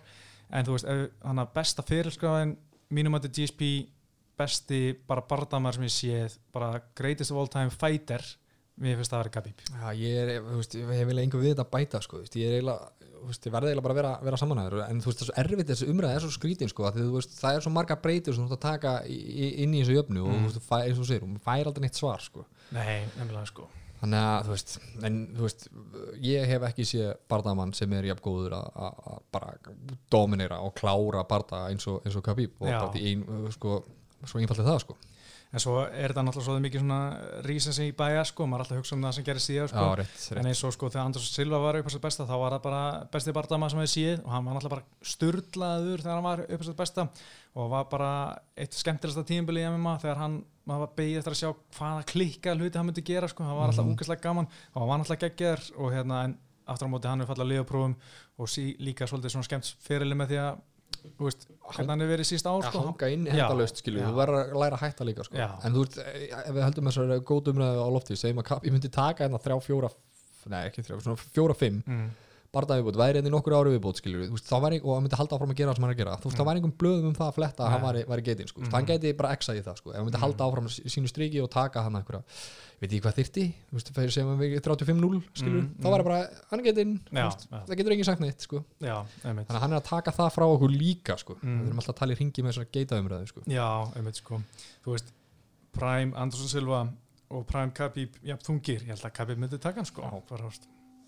en þetta var náttúrulega Anderson var geggjar á sín tíma en, en mér finnst bara Khabib vera bara besti fætar sem ég sé svona most dominant sko, bara einhvern veginn eins og engin muni vinna. Já. en uh, eitt í lókin hann, mér finnst pínulegilegt, hann kom ekki á blaðamannafundin eftir á. Gæti svona tala aðeins meira um þetta af hverju og hvað er næst, næst framöndan hjá hann ég vil vita meira um hann sko. Já, og hann mætir hann eitthvað gott viðtal en ég held, ég var pæla hvort hann væri pínu pyrraður nokkrir að spurja í bara, já, hvernig líður eftir að pappi þinn dó? Og bara, auðvitað líður mér ekkert vel, þú veist, Já, hætti að já, spurja mig þeir já, voru já. svolítið mikið að spurja út í þetta sko. Og þú veist, kannski vildi hann bara fá smá tíma til þess að, þú veist, nenni ekki að spá þessu núna. Bara ég tala við ykkur setna já, þú veist, alveg skiljulega og það myndi líka svolítið svona, veist, þetta er svolítið svona, þú veist, af hverju er það að spyrja þessu, Já. af hverju er það að spyrja þessu, Mm. veist, spyrjið þannig, náttúrulega bara mannlegur eins og, eins og við hinn, sko, það er ekki langt síðan að pappans fjall frá, sko, Mm. Mér, þetta fór svolítið í töður á mér, sko, eina sem ég sé eftir, eftir hérna bardaðan frá, frá Khabib var að hann var bá sér hambúrgara, það er leiðilegt að sjá hann ekki á blámanum, hann já, fekk sér tvöfaldan hambúrgara, já, já, vel done. Vel done, vel Já. done og juice, Já. hann alltaf drekkur ekkit áfengi gegn trúni sko, en, en, en ef hann myndi fá sér þá hefði þetta verið að fá sér einn ein, búm útralæt Já, þannig hefði, hann hefði hraðsturta í honum, hraðsturta í sig einu búm útlalag, Já. alveg klálega uh, Eitt í lokin svona mjög, varst, mjög skrítið eða svona ótrúlegt að sjá hann sína tilfinningar. Maður er aldrei séð áður nema þetta reyður þegar hann hoppaði búri og alltaf. Conor fjaskonu. En ég menn hann var bara óhuggandi eftir barða ég hef aldrei séð mann sína svona bara vera svona emotional bara eftir barða sko. Já, þú veist, uh, hérna uh, hotnið hans alltaf að stökkva, eða þegar var búin að vera alltaf að stökkva inn í, sko, en hann setur hendunar, þú veist, ei, strókar róli, róli, gef, gef mér bara smá breykina og fer hann á, á gólið, þú veist, fallegt samt, sko. Já, mm það er skemmtilegt og ég, eins og segi, sko, ég er þú veist, ég er bara sorgmættur hans í hættur, sko, því að mér langar að sjá meira, sko, þetta er svo geggjað að sjá hann berjast, sko. og sér líka er einhvern veginn hann orðin þú veist, ég ætla ekki að segja hann sé á sama stað fræðarstalli og, og, og, og konur en þetta er samt eiginlega orðið svipa stórt þannig að að við sáum það bara veist, ég bara ég er að tala um vinni mína eða veist, umferðin inn á MMA-frettir Mm. eða þú veist, bara einhvern veginn svona áhugin í samfélaginu mm. fer upp á annan, annan level núna þegar kaffi bara Já, stórt, sko. klálega, sko, þannig að það er, er missið fyrir okkur, Missir okkur Já, en ég hef alltaf sko ég veit alveg ég er oft gaggrind og þá má alveg gera það en, en hérna og oft spáð gegn honum og eitthvað þannig en, hérna, en ég hef aftur að sjá mikið eftir hann sko. með 29-0 þetta er, þetta er gegja en uh, sko léttvitin hún er náttúrulega gal opið núna hana. Það er sko svo mikið sem auðvitað getur gert en við vitum held í allir hvað auðvitað allar gera með beltið. Sko, auðvitað myndi henda eitt áttamanna törnament með Já. sko Conor, Justin Gaethje, Dustin Poirier Tony Ferguson, Michael Chandler, Dan Hooker Charles Oliveira, uh, þú veist Paul Felder og Felder. hérna Benil Darius eða eitthvað. Það væri geðveikt áttamanna törnament Já. en við vitum allir auðvitað mun aldrei henda í törnament og þeir hendur bara beltinu um sigurinn á hjá Conor og Dustin Poirier. Gera það til bara selja fleiri pay-per-view, dreika relevant bara gera það stra- strax í janúar, kassa inn og skulum ekki gera neitt nýtt. Nei, þeir eru ekki að fara að gera neitt nýtt. Líka, þú veist, ef ert með áttamanna tournament þá, þá þarftu að fara að horfa á það að þú veist, gæðinir sem eru að vera á end, á endanum að berjast um titilin sko, þú þarf að fara að sjá þá berjast þrísasunum á einu ári og með þessar Mhm. stóru slekkjurna ofalega á þessum styrkleikilista þú veist, þú ert heppin þú þú ert he- mjög heppin þú ert sér á tvisar ári sko. Já. annars eru við bara að sjá það einu sinna ári Mhm. Og þú veist, eina og eitt hatar eitthvað nýtt og skemmtilegt Já. og líka bara samningsviðræðinir og eitthvað svo mikið sem getur að fara úrskeiðis að hann er bara, þú veist, hann er núna á einhverju matsmeikir fundið að segja gleymi þessu við alla sem bera þessa hugmyndu upp, Já. en djúvill var ég til í að sjá þetta svona Já, þú veist, ekki einu svona fjagra manna törnament bara með, þú veist, þeir hefði getið gert það með léttanguvíktina Já. Nei, gera bara hana eitt til bara það og bara klárum þetta, komum með stara selja pay-per-view. Já, og ég, sko, ég, held að, ég held að líka hún, klæði puttana á að- að að láta Conor hafa beltið sko. Veist, að hann er svo vermættur með, með beltið. En það er Mhm. líka svona tví ekki sverð ef Já. af því þá er hann bara hm, ok, ég ætla að fara að boksa við einhvern gæja eða þú veist, gera eitthvað fjandan og setja allt annað á ísa meðan hann er eitthvað dandarast sko. það er náttúrulega óþólandi að það gerir sko. Að þetta er besti flokkurinn við megum ekki láta Dustin og Tony Ferguson býða eftir að Conor fara að gera eitthvað að þetta er mjög hættulegt sko, ef Conor myndi taka hennar barða hérna og bara nú ætla ég að taka þrjá ári tekur úst, og ætlar að verja titlinn en ég veit það bara, þú veist, hann vinnur hérna, kannski Dustin Poirier og þá bara, Horka Masvidal, Já, herðu, nákvæmlega, eitthvað, þú veist kemur með eitthvað bull, sko, Já, eða Manny Pacquiao eða eitthvað, ég, já, ég, eða bara svona, ég ætla ekki að slást aftur fyrir en ég fæ Khabib, þú veist, þetta verður eitthvað svona já, já, veist, já. það er þetta tví ekki Já. sverð sko. þú veist, hann gæti dotti í ruglið sko. shit, hvað það væri pyrrandi Já. Úff. en þú veist, þeir geta gert eitt. Þeir geta sagt bara, heyrðu hérna Dustin og Poirier, þið eru að slást og sigurverðin Dustin, því Dustin og Poirier. Ég segi þetta alltaf maður, já, Dustin og Conor. Já, sigurverðin úr því, slæstu Justin Gaethje upp á beltið, sko, Mm, þannig að mm. þú veist, átt allar að ná tveim Conor borðum áður en hann fer eitthvað, já, gera eitthvað anskotan sko, en uh, hvað hva viltu sjá með þessa gæja? sko, ég vil sjá náttúrulega, man, við fáum vantarlega Conor Dustin, það er ekki alveg búið staðast en, en allir gera ráð fyrir það að verði hérna, í januar, Já. svo er náttúrulega með hérna Tony Ferguson sko, og hérna Justin Gaethje og svona, ég væri sko svolítið til í já, Tony og, og Justin Gaethje.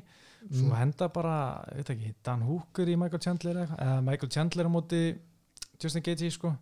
Ég held að það væri skemmtilegt, Tony. Ferguson og Dan Hooker. Já, já, úst, þetta er bara þannig you can't go wrong. E- eiginlega sko, þú veist, þetta er, veist, maður, þetta er hérna bara, sko, office in your cup sem ég myndi segja, þetta er finger looking good sko, bara einhvern veginn, þú veist, þess að segja, það er eiginlega ekki að klúra þessu, en ég, eins og ég sé þetta gerast þá er það bara, hérna, Poirier og, og Conor upp á beltið mm -hmm.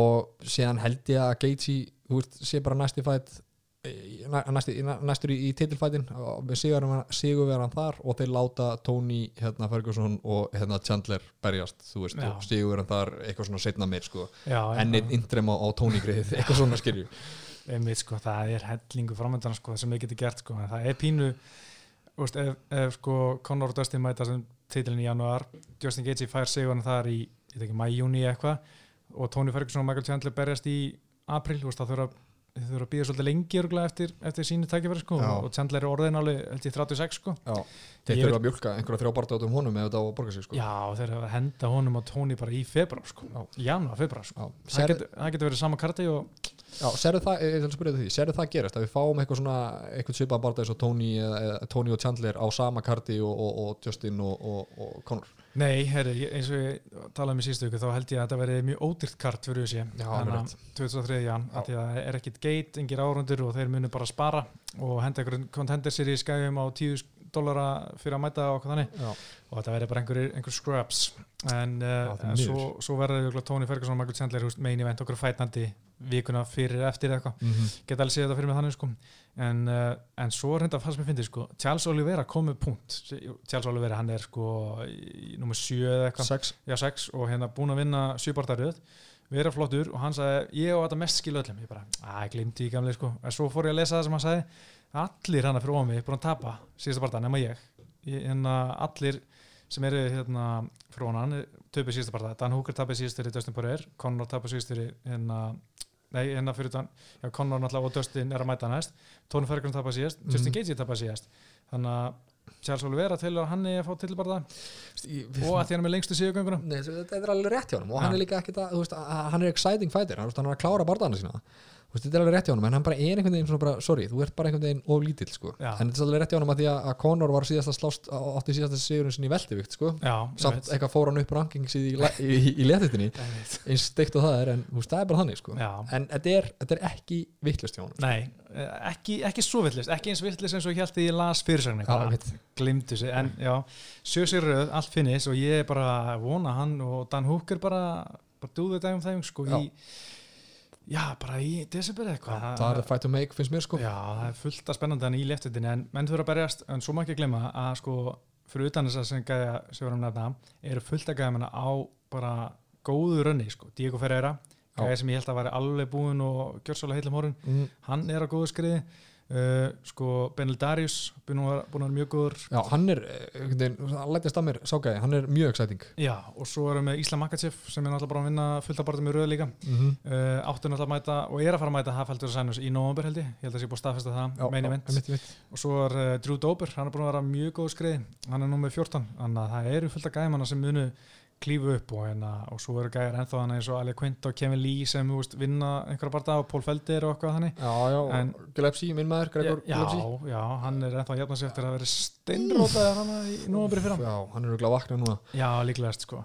En uh, þannig að það er fullt, fullt í gangi í þessu flokki. En, en ég bara vona að fáum bara stóra barða ekkit vis sko. ekki, ekki hérna vera eitthvað svona langar samningaveður og allt henni bara komið mars og engin mistari sko. já, já, já, allir að segja hvað sem er einhvern veginn í fjölmjölum og Twitter og, og eitthvað svona uh, benda hérna úst, fingrum sko, Já. bara drífa þetta af sko Já. en eitt í þessu, Dana White þólir ekki að hafa einhverja þingdaflokka beltilslösa sko Já, einmitt sko hann bara, drífa þetta af, bara, gerum eitthvað Já. hérna Uh, já, eitt sem ég langaði með Íslam Makachev sko, ég held að hann gæti orðið roðslegt nafn af því að þú veist, þetta er besti vinnu Khabib og það allt Mhm. og ég held að Khabib sé að fara að sita núna sín, þú veist svona, hvað ég segja, fókus og, og, og, og þunga bak við hans nafn sko, og ég held að það sem Khabib er með geti svona nuttast yfir á hann sko. Já, og svolítið svona uh, einmitt svolítið svona political pow- power. Já. að hann tróði honum í ykkur stóra barða eftir ef hann vinnur Dos Anjos sem ég ger eiginlega bara ráð fyrir. Eh, þannig að það er aldrei vitan um að sko, ég þó Conor að senda þetta tweet þú veist bara I'm moving on eða hvað sem hann sagði, þú veist, rígurinn kom til liðar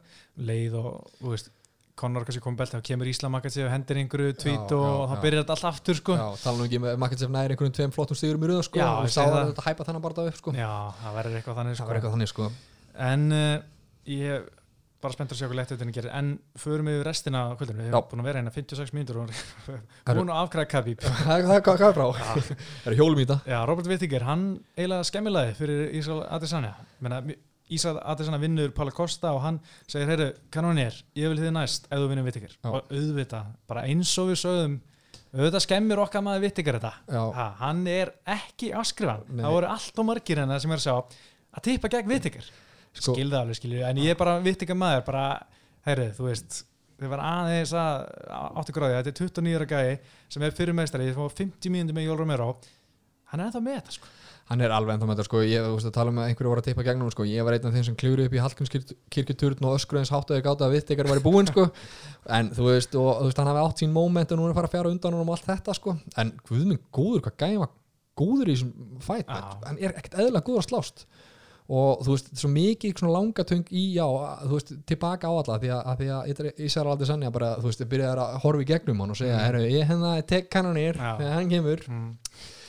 þú veist, ah, ég, þú veist, hann tróð svo upp í mig þessi maður, þi- þinn maður Já, ég var ánað með hann sko ég var pínu stressaður í þriðlóti, ég viðkynna það. Já. hann var pínu vankar hana í lókin en, en var náttúrulega búin að vanka kanónið sjálfur. Já, já, og hérna átti bara klassa framistuðu og hérna og það sem ég dýrka með hann eins og ég áður sagt, honum er svo drullu sama um allt einhvern veginn, hann er bara mætt vill að berjast og þú veist, ég til að mæta að það sem einhvern tíman en núna er ég bara að hugsa um að fara heim og nöta jólana með bötunum mínu og eitthvað já, þú veist, svo heilst eftir eitthvað sko. Þú, veist, þú veist, þú getur ekki verið eitthvað vondur út í hann eða eh, haft eitthvað gröts á hann sko. það er bara að tala um jólin og, og Mm. börni mín og þú veist, nota ekki tækifæra sitt á mæknum til að til að þú veist hérna eitthvað hei, eins og alveg sannja hittum ég eiga álfu hérna ræðvill þú veist, Já. ekkert þannig, Nei. bara talaði við hann í, í pressunum eftir á að þú veist, hann væri frábær barnaðamaður og Mm. þú veist, bara þess virði að slást við en, en ef ég hitt hann einhvern tímann síðar þá var ég kannski eitthvað með, með fyrir hann sko. Svo heilst eftir sko Mhm.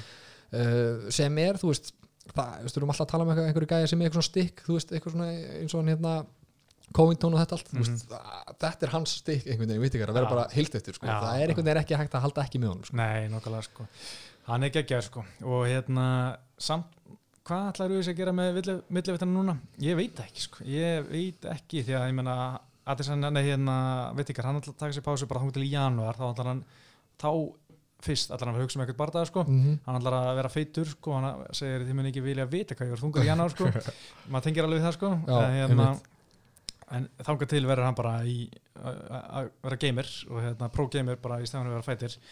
Og Adesanya, ég meina hann bara síðast í september, vill hann taka pásu þangað til í já, sé mars, lok februar þetta er góð ef hann vill spurning sko. býða vitt ykkur vill hann býða vitt ykkur, vill hann fá eitthvað annað hvað vill hann? þú veist, eins og White sagði þarna, þú veist, ég trúði þess að ekki alveg þegar hann sagði, já, þetta er heillandi barndað til að setja saman, sko. Whittaker og Adesanya þetta er eiginlega bara the fight to make eitthvað, Mm. sko en séðan, ef þú setið í skona hans Adesanya, sko, þá er bara, þú veist, þá er hann og liðið hans bara, nei, þú veist, Já, við rústuðum sem gæði hann Mm. daginn, sko, þú veist, ég vil eitthvað starra og betra og afhverju, en samt sem aður, þetta er risastór barndað, þeir eru Mm. báðir hérna frá eiga álfu Mhm. og þú veist, þú getur búið til eitthvað hjút en, en sko, mín tilfinning er að Adesanya sé að líta í einhverja aðrar áttir en, Já. Whittaker aftur, sko Já, það er nefnilega máli sko, maður heldur hann sé að horfa eitthvað frekar upp fyrir sig heldur en Já. í kringu sig sko og hérna að horfa á kannski að bara fara í Blackweights í Mhm. titilinn Já. en uh, ef við sér að gera það þá veit ekki hvað Diego Santos og Glóti Sera eru berðist upp á í hérna, mánuðin, næsta mánuði, november það á að vera svona number one contender partæði sko einmitt. Þetta er pínu tryggistæða sko, en, en mér finnst það líka orðið lungu þreytt að sé bara eitthvað sjálfgeð að meistar er búin að vera í belti þrjus sinnum að hann fari bara beint upp sko. Mér finnst það orðið, ja, menn er svolítið trigger happy við að fara upp um flokk sko. Já. Þannig að ég var alveg til í sko, sko Jack Hermansson og Darren Till mætast í desember. Mhm. Þú veist, ef annarkor þeirra er með bara geðveika framistu, veist, bara klárar hann eða bara með bara stjórnum framistu, Já.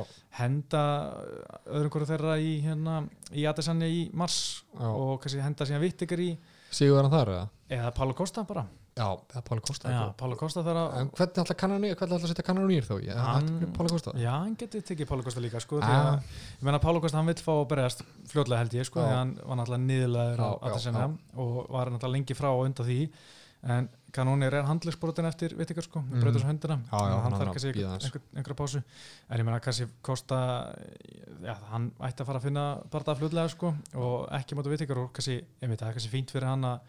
og og er að taka eitt barða, mæta svo vitikar því að ef hann vinnur vitikar þá var hann komið tvo sér röð mm.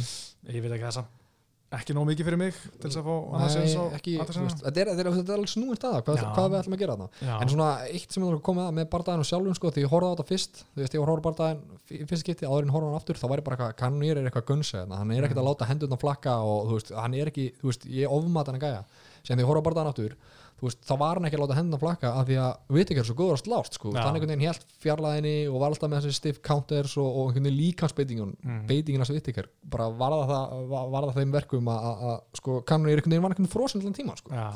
Hann bara leiði honum ekki að slá sig leiði, honum ekki að þetta í gang. Þetta er bara sama og menn sögðu hérna eftir Brian Ortega og hérna Korean Zombie. Bara okkur gerði hann ekki meira, bara því að Ortega bara leiði honum ekki, Já, hann bara, hann bara gat ekki komist í sinn rithma og gert það sem hann vil því að hérna anstæðingurinn var bara með planið á hreinu, það var bara akkurat þannig. Og hann í lokin sko, þú veist, alltaf að segja að þetta verið eitthvað lengri bardaði þá þetta verið önnur úrslit en, en Vittikar var bara að undirbúa sig fyrir þryggjalótu bardaði og með Mm, gameplan fyrir já. þryggjalótu bardaði þannig að þú veist, þú getur ekki tekið það á hann og hakan hans held á það. Já, hún held sko, hún held heldur betur sko, ég, ég var mjög ánað með þetta tipp að hérna að Vittikar tók tók hérna kanónir sko. Og ég veit ekki hvað klikkaði hjá orkusteinunum hans Vittikar, nei kanónir sko, hvað hann var með vitlisa tegund sko, hann er alltaf farið hvað þessi gerir og þessi gerir sko, hann var með eitthvað vitlisa tegund sko. sko alltaf þegar hann er að tala um þetta bara að spóla ég svo rætt í sko. Þetta er Vel- geðvikt sko. ja, þetta er mjög stitt sko. En ég veit ekki, ég var áhvert að sjá hvað auðvitað gerir með milliðinni því að það er engin kostur svona já þetta er besti kosturinn. Að að ef mér langar að sjá Adesanya og Vittingar mætast aftur en mér, sem mikill Vittingamæður langar mig ekki alveg strax. Mér langar að sjá hann eða taka einnig viðbútt Já, ég er eiginlega með þér þar sko. Þú veist, það er mjög erfitt að setja fingur á þetta sko en ég vil ekki sjá ég, veist, ég vil ekki sjá, ég vil ekki sjá Adesanya Vittikar all, ekki að, þú veist það er ekki að næsta sem ég vil sjá, allan Nei, sko. nei. eitt sigur viðbútt á okkar mann og, og sjá hann sem hvað gerist. Já, uh, svo var annar gæði hérna, sem átti góða framistu, það var Magomed Ankalev Já. hann sko, þetta var í vorkenunum pínu, hann rústaði Kutilaba, en Kutilaba var náttúrulega að leika og þetta var umtilt stopp og ég skilja alveg að menn vilja run it back, mm -hmm. en maður sá það hann maður sá það í setnibartanum, hann er bara miklu betri það voru líka svo sko. margir að veðja á Ankalev með rótöki fyrstulótu að ég er bara mjög hafðast eins og allir vissu þetta myndi enda svona, en við þurftum bara að sjá það bara just in case Já, ég er alveg þar sko að þú veist, nú er einhver blöðum að fletta. Hver, hver, hver er betri sko? Nei, hann er fyrst að vera svona pínu tímasóðum fyrir Ankalev, hann Já. var bíð eftir hann sinni í februar sko. en þessi, þessi, þessi bardaði samt svona eleveitað á ef ég má sletta sko. Ele- eleveitaði nafninu hans sko upp sko.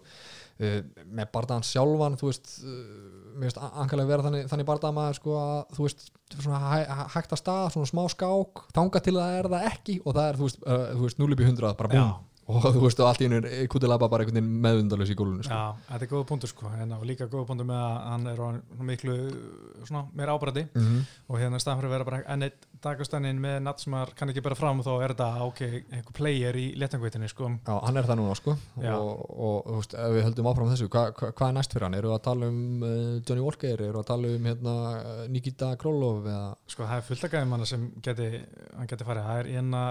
ég er nú ekki alveg með að reyna hver er með barða hver ekki en Jiri Projeka, ég er mjög spennt fyrir honum Já, ú, Alexander. Alexander Rakic, Já. mjög spenntur að sjá hann fara á móti honum og svo líka Johnny Walker, ég held að það væri veistla sko. það væri nefnilega veistla sko. Bara sjá hvern anskotan myndi gerast ef Já. við setjum þá tvoðin í búr og lokum sko. einmitt, sko. það er bara eins og einhver tilraun sko. ég er allan að það er erfitt að klikka fyrst mér hjá hérna Angela, hann var sjálfur að tala um hann vildi fá hérna Anthony Smith og Krælov annarkvæð þeirra, Já. en hann getur líka farið í Volkan Óstumur, það er alveg það er komið nett endurnín í letangvitan Já, ég, er, að- veist, ég var eitthvað að skoða þetta í dag sko. Þannig að spurði, er UFC.com á þýsku hjá þér eitthvað? er það á þýsku í tölunum minni, er það geðugur á sér sko? en ég var einmitt að skoða þetta, þetta er alveg nöfn eftir nöfn eftir nöfn sem sko, þú veist, maður myndir hann að vaka eftir sko. já, já það er nóg framöndan hann Já. fyrir Angela ef hann ætlar að vinna sér upp í titilbarta og ég, ég man því ég sá fyrst að tapa þess hann á móti Pól Greg sástæðanbarta Við, sko, ég man, eh, ekki minningunni sko. Nei, hann var að, að berja hann sko, eins og harfisk í þrjálótur. Svo bara ein að tíu sekundur eftir lendir hann triangle tappar út að ein sekundur eftir. Ég trúði þess ekki, ég sá þetta, þetta var bara eitt af submission ásæðis, comeback en, en Paul Craig, hann getur ekkert, þú veist, þetta er eina sem hann góður í, er að ná eitthvað heil meir í submission já. og Engalið var miklu betri barndama, hann myndi vinna hann í sko 99 og 100 skiptum. En þarna væri bara, ég held ég ég þetta væri svona smá svona, ok, hann er ekki fara en ég held að hann væri ekki bara svona einhver dagastæni sem er góður en ekki alveg svona að fara allaleg fyrir með ekki að sjá brjótast upp hann Já, en Já. núna er ég svona, ok, þetta er uh, hann er að sína, ekki að maður hérna síndi eitthvað submission game hana en bara, mér finnst hann vera bara mjög hættulegur og hérna, ég hlakka til að sem vera já, fimm í röð og, og, og, og framtíðin björt sko. Já, heldur betur sko. Herru, allir við eitthvað að tala um tattuð hans hérna Orkov eða ekki Herru, eða? Hvað gerðist? Ég veit ekki. Það var með ókeðslega ljótt tattu henni hefur bara komið geggja tattu þú veist, það líka yfir allt bakið sko, þetta er ekki eðla vígalegt sko. Já, við þurfum að taka eitthvað svona að gera mynd bara before and after sko. Já. Þetta var, mjög töff sko. Ég bara fattaði ekki fyrir en bara eftir sko. Að hann var alltaf með eitthvað svona mjög auðmingilegt tattu en svo allt henni breytti hann í eitthvað flott. Ja, þetta er bara geggjað og hann er ekkert eðla Já. uh, bara vel gert Volkov mjög vel gert og hann var flottur. Ég líka ánægð með þetta bodykick Já. uh, klára þetta með skrokkaki Já. og eins og hinn og hérna Caitlin Tjúkækjan, þá var Volt Harris ekki með pokerface til þess að þrauka. En það er auðvitað auðvitað að segja það hér sko en hérna en Volt Harris sko þetta gæi sko hann var líka mikið að segja fyrir bara ég er besti strækjarinn í þungaðutinni hérna. Ég er, Mm, get verið mistari og svona ég er alltaf bara að, veit ekki, ég er ekki búin að segja það þú ert búin að vera henni í 5-7 ár og Já. ert ekki búin að sína þetta hinga til og bara ég get alveg farið í blast up leik og gert það sama og Curtis Blaze gerir við Volko og hérna var svona pínu kokki mhm. að því að hann var næstu búin að vinna órum, ég veit ekki hvort að sjálfstörstu kom þaðan eitthvað en hann bara var allan tíman á eftir Volkov og hann reyndi svona hálfpartin döpuleiki svona, en þú veist það var ekki blast döpuleiki eins og Curtis Blades nei, gerir og eins og sko Volt Harris talum sko þegar ég gerir sko döpuleiki mitt í gimminu það var bara stoppa allir bara það var svo powerful sko bara á alveg rólega en þú sko, þú veist, við vorum að tala með það að, að kannur hafi ekki látið hendunar sér flakka og séðan, Mhm. þú veist, komið með ykkur aukstyrning því þarna sé ég ekkert, þú veist, bara að Valda Harris var bara gönsi, hann bara let Mhm. hendunar sér ekki flakka og, og, og, þú veist, ef þú getur ekki mótiverað upp, þú veist, eftir það sem gerðist og eftir eitt Mhm. tap, sko þú veist, þá er bara andlið hlutin ekki til staðar og, og maður skilur það svo sem, veist, eftir, þessum undan og gengi með hans og, og hans fjölskyldu, sko. Bara, þú veist, bara því miður, sko. Já, það er bara þannig. Og ég meina Volko vil fá Húnundar Santos og, og þessa galla sko, ég er alveg til í það. Ég meina bara sjá okkur góðan. Hvað kallar hann? Órim, uh, Djúnundur Santos Já. og, Ró- og Rósenströgg Já, Kallaði já akkurat, það er bara flott fyrir hann sko, Já. ég meina þetta flottu sigur og hérna, svona, hann þurfti þetta til að halda sér svona í nála við top 5 mm -hmm. Lauren Murphy, hún sko, þetta, fyrsta lótan var ekki góð, þetta var bara leiðilóta og ég hugsaði bara, Já. er þetta í alveg top 5 barndakonni flugitt á móti nýla nei, það er ekki að sjá það, þetta var bara sko, Lilja hefði hjá einhverju dómurum kannski unnið svo lótu þú veist, þetta var bara mjög ósamfærdi fyrsta lóta, síðan í annar lótu tekur hann niður og klárar hana Já. og kemur með þrjumræði lokin en þetta var ekki selja mér neitt Nei, sko. nei, nei, alveg, sko, bara takið hérna, hérna, hana Mæju, hvað heitir hún, Jessica Mæja? Jennifer Maja Jennifer Mæja, sorry, Jennifer Mæja, hún á bara að taka hana af tillibartanum ég á skilið og maður bara, hvað er að gerast Já. það? Þú veist, veistu hvað gerði, sko, en þú veist, er eitthvað um hennar bara að segja? Ég var alveg, þú veist, samlæður það bara, úff, er þetta það besta sem hérna, þessi þýndaflokkur hefur upp á bjóða, sko? Já, þetta er svona þetta er nýtt sko, þessi nýrflokkur og hérna, og mér er alveg saman þú segist bara að vinna fjóra barnderuð á móti einhverjum þreymur stelpur sem eru rankaðar og getur ekki unni eitthvað nýlega bara og svona ekki lítið eitthvað geggjæðslega vel út eh, og hérna ætlast til þess að fá teitla bara Nei, nei, nei. og veist, reynda bara að fá barða við Cynthia Calvíu og, og sína það, ég, ég held að hann vinni ekki eins og Calvíu og ég meina ef þú ert svona ógæslega góð og eigir að fá titlabarða og vera meistari þá áttu að geta unnið alla eins og Cynthia Calvíu þá bara að vera óhrætt við að taka hvaða barða sem er og sama með þú veist margar þessi gæðin sem bara ég ætla að fá titlabarða, ég ætla ekki að berast við neitt annað. Eins og sé hrættir um að taka annan barða að þeim missi af titlabarðanum Já, en ég hugsa bara, ef þú ert það viss um að þú getur orðið mistari þá áttu að geta unnið alla aðra, það er eðlum sem samkvæmt. En þetta er náttúrulega miklu meiri peningar að vera mistar heldur en vera number one contender og allt það sko. Nei, þetta er rétt svona að segja, þú veist, ef þú heldur áfram að vinna barða, skilu það, endur Já. að fara til já, Uh, þú veist, er eitthvað, eitthvað meira um þetta að segja? Þetta var svona lacklastur eitthvað Já. eitt, eitt hérna, veist, að, veist ég horfði á hana bara það og nú er ég ekki, þú veist, ég er ekki, ég er ekki ja, fróður og þú um, um barðalistir en þá er allir að tala um bara frábær framist að, þú veist, Mhm. geggjað og ég bara, var það svona geggjað? nei, ég skil það ekki mér finnst fyrsta, bara fram, framastæðin fyrsta lötu hörmuleg Mm -hmm. hjá konu sem var að berjast nýlega, bara distansi var bara og stærri var að kýla og var alltaf svona metr á milli þeirra, höggana skilur Já. og andlitsins, eða þú veist, og targetsins þannig að ég, mér finnst alls ekki góð framvæmsta í fyrsta lótu, en jú, hún gaf aðeins í annar lótu og virtist vera búin að átta sig á hvað Shaggy Róa var að reyna að gera.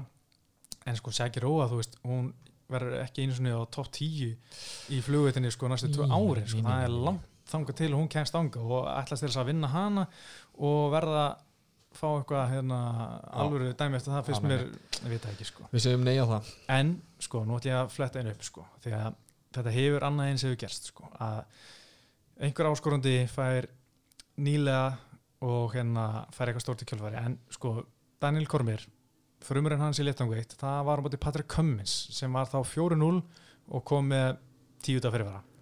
En þá átt hann að máta þetta hérna Rashad Evans, ef hann hefði unnið Rashad Evans hann kannski feng- fengið tillibarta en að því að hann fekk ekki Evans sem var meittur þá kom Patrick Cummins daginn þá þarf hann að taka annan barta sem var Dan Henderson. Mm -hmm. Síðan fekk hann John Jones, veist, það meikar alveg sæs sko. Já, og líka, þú veist, eitt í þessu með, með, með, með, hérna, með DC, að hann var að koma inn sem mistari úr Strike Force, það ekki, sko, þannig að við já. smá vikt á bakvið en Já. ekki þessi stelpa sem var að hann mætti með viku fyrirvara á móti Murphy, mm -hmm. er er þannig að ekki alveg til í að gefa Laura Murphy tillibarta en hún bara halda fram halda fram, halda fram að vinna uh, annar gæi sem skeitt svolítið degið það var Alex Cowboy Oliveira hann var ekki góður. Íslandsvinnurinn, Já, Íslandsvinnur er mikli. Og sko, þetta var hans uh, já, hann vann tvo í rauð á undan þessu en sko, eftir náttúrulega ég held smá sko, að Gunni hefði tekið sálunars bara. Já. hann, sko, fyrir Gunna, svo tapaði hann Mike Perry og svo tapaði hann Dalby, en náði tveimur sigurum í rauð og hérna tók þar á meðal hérna Peter Sobotta í júli og svo tapaði hann núna fyrir Sjav, Sjavkat Rakhmonov. Eh, þannig að hann er svona aðeins ég held að hann væri á síðastu sens en ég var búin að gleyma þessu tveimur sigurum en, hérna, en hann sko náði ekki vikt þannig að ég var stressaður hann held að hann væri að fara að hérna, vera köttar en svo sko kom það í gær að hann er með á tvekkja manna batt sem er á spítal núna já, og núna fekk fyrir peningin ætlar hann að borga til þess að vera fluttur á hérna einhvern enga spítal Einkaspítala, já. í Brasilíu sko. þannig að hann var vist annars hugar og hérna hafði ekki alveg já, var að hugsa um eitthvað allt annað heldur en að berjast og, og átti ekki góða framstu ofta líka að tala um viktina sko, að þú veist, hann kom líka snemma inn í viktina Já. og það segir sko að bara, herru, ég er bara mættur hérna viktina mín, ég bara, ég get ekki meira, sko. Ég, bara, ég get ekki meira, þú veist, hann er ekki komað inn og loka metrunum, eða þú Mhm. skilur hver var með þetta hann bara, ég bara, ég tek hérna peikut og ég bara, ég get ekki meira, sko já, þetta er búið hjá hann sko. en þú veist, barndagi var eitthvað þú þetta var ekki flugeldar og Rakkmánov náðunum bara í þetta uh, guillotine, jobba þetta Mhm. guillotine, sko já, og það held, já, einmitt sko. En ég held að Ragmanov geti alveg verið einhver player sko. Já, hann menn er, er, að tala, er um það. Já, uh, sko ára klárum Olivera sko þetta var, þetta er hans áttundabann já, sko hann átti, ég man á lasum að í, fyrir ára síðan að hann ætti sjö börn með sjö konum mm og sum að þeirn búið í sömu götu í Brasilíu. Já. Og hann eignast með þess að tvö börn á sama degi með sikur konunni. Halda fram Já, þetta er bara, þessi maður er algjör veistla hann getur bara ekki halda honum inni sko. Nei. uh, þetta er hans áttundi bad ég veit ekki hvað, kannski er það með áttundi konunni, ég veit það ekki. Það er bara aftur að koma ljós. Sko ljós. En, en hann er 32 ára, hann er með átta börn sko. Já, þú sko ég veit ekki, þú þarft að nokkra barta til að halda þessu uppi og nokkra bónusa til að halda Já, þessu, framleita þessu. Eh, ekki skrýta, hann var duglar að berjast þetta, sko. þetta vissi ég ekki. Já, meðlagi Ég maður. meina, það er bara kúreki hann er það sko. Já, en það má ekki glemma því að ekki langt hvað, rúmt ár síðan það sem hann var, já, mæi 2009 það sem hann sko sagður hafa komið fullur til batsmóðu sinnar og reynt barninu og farið með á kyrta móturhjóli, sko, er einhver ungu barnir sko. Þetta er ekki gott. Hann er búin að vera í rugli. Það er búin að vera gli ja, en svo var hann að segja hann var náttúrulega í köpun og var eitthvað að spyrja mannandjælinas út í þetta að þá var hann að segja að þetta er bara eitthvað bull í fjölmjölum sko. Mm. var, uh, farið með þetta alveg gjössalega í hérna, hvað sem var hérna, sprengt í loft Já, við vonum allt farið vel við hana því hann er Íslandsvinnur og, og þú veist, það eru svona gæja sem hérna, þú veist, eru kannski ekki að fylgjast mikið með en, en benda á þennan gæja og spyrja mig, herru, er þetta ekki gæja sem Gunni rústaði? já, Já, jú, jú, ok, held með honum. Þessi, þetta Einmitt, þekki sko einmitt. uh, svo er annað, nýleganir Phil Hoffs, sko hann pakkaði saman Já, Jacob Malcolm sem er 4-0 ok, hann gerir mjög vel 18-0, nei hérna 18 sekundar rótauk en Jacob Malcolm sko, þú veist á, hvernig komst hann í þessi? Ég veit ekki sko, þú veist, og þessar, þessar áttur sekundur sem hún tók, þá var maður, sá maður bara Phil var, veist, hann vissi hvað var að gera og hinn var bara ekki tilbúin sko, hann var eins og hérna, hvað segir maður, deer in the headlights sko, hann bara var Já. hrættur sko. Já, og þú veist ég geti vel verið að Malkun geti komist lengra og verið tilbúin í USA daginn en hann síndi ekkert hann hann í heima í USA Nei, hinn meina- ekki standi og eitthvað sko, sko Nei. svona, svona smá floppi hann í, í gangi sko, skilur mig. hann geti kannski verið í, farið í contender series og, og veist, reynda bygginu upp þannig því að ég meina ástæðan fyrir að hann var sænar var að hann var bara alltaf meðvittingar Mm. og var tilbúin að stökku inn, hann með stöttu fyrir í sumar og á bara rosalega erfitt með að fá barða í Ástralíu. Það er bara villingi verið að stjóna þar og eitthvað Ok. þannig. Ég meina það, hún getur stokkið yfir í breif eins og kamsatgerði og það er bara, Já, þarf að, hann er bara síndi að hann sé ekki tilbúin í þetta núna en kannski fara inn einhverja aðeins betra matchup næst fyrir sig ekki svona eins powerful, powerful fikka sér nýður í vitt, velta við ekki, veit ekki. Og hérna, og sjá hann hvað, hann gerir en, en hann er á þunnum ís. Hann er á, já, hann er á þunnum ís. Heims var samt hérna á flottur sko hljópi myndalinn og sagði this is mine now. Hvað sem það er nú því er sko, ég var svona, ú, heyrðu harður. Já, ég var náttúrulega bara að lesa svolítið um hann þetta er svona super prospect sko, sem var bara, þú veist, hann var 3-0 og allir bara, þessi gæðir var að vera champ sko, þá var hann eitt aðal, svona var mikið aðeins með John Jones, mm. var að æfa í hérna Jackson Winklejohn giminum en síðan sko var hann að svona feila á stóru prófunu sko, þá hann fór í hérna uh, content, nei hérna uh, Ultimate Fighter, tapaði þar barðanum og komast í húsið, úst, gegn reyndar Andrew Sanchez sem enda að komast í úslið var alveg góður alltaf. Og síðan hérna fekk að samningu World Series of Fighting og bara yes, er, hérna, þetta er þegar var sæna stjórnu, þessi gæði er að fara í hérna alla leið hérna. Ok, vann einn, tapaði einum og svo hérna leistist það veginn upp.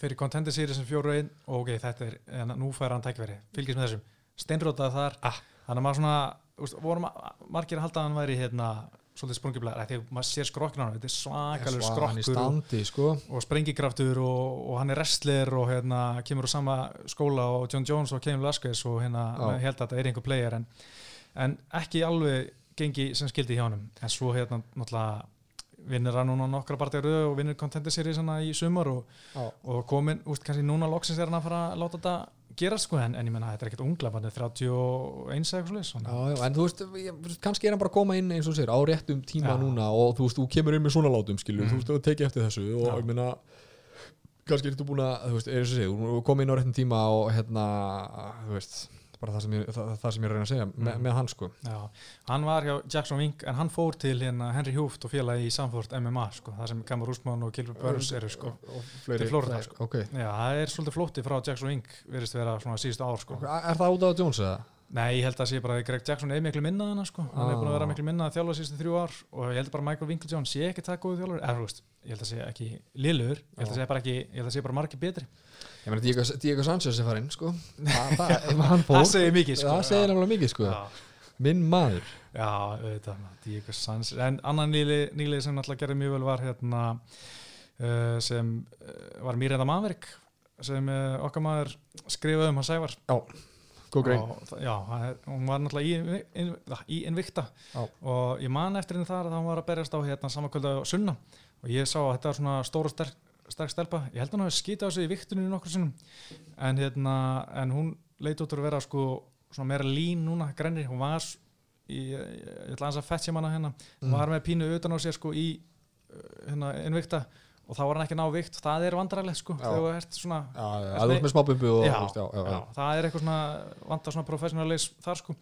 En hún hefur svona tekið til þar og hérna leit bara virkilega vel út og sko ég man svona fyrsta mínundan væri bara úf, streikingin er bara er way off bara með hö- höggin hérna bara eitt högg einu, enga flettur svo bara datt hún í gang og bara geggið sko, hún þurfti ekki eins og að resla hana eins og maður bjóst við að hún myndi gera. Nei. bara klára hana með, já, náðu geggjuðum olbúa í nefi sko, þetta var ég veit ekki hvað maður kalla þetta, svona veist, upp, niður eitthvað, upp niður, upp niður Já. þú veist eh, bara mjög flott fram, framistæða og hérna, ég vissi, vissi ekkert um hérna fyrir hérna, sá þess að grein frá Sævari. Við erum Já. gert að spotta þetta. Já, bara gaman að sjá hvað setur fyrir hana sko. já, og þetta er flugveitin. Það vantar Já. nýlega þar Já, já, þannig já, að já, við já. fögnum þessu. Fögnum þessu. Uh, Svo rétt í lögin, síðasta sem var hérna, nei, herri, ég er búin að afgræða ég hef ekkert meira um þetta karta að segja Já, ekki ég heldur sko. Ok, þá hérna, við erum búin að vera helviti lengi hérna, en við ætlum að skautast aðeins hrætt, yfir. Líðan Edvards er á móti Kemsa Tímaef Já. Þetta komir óvart.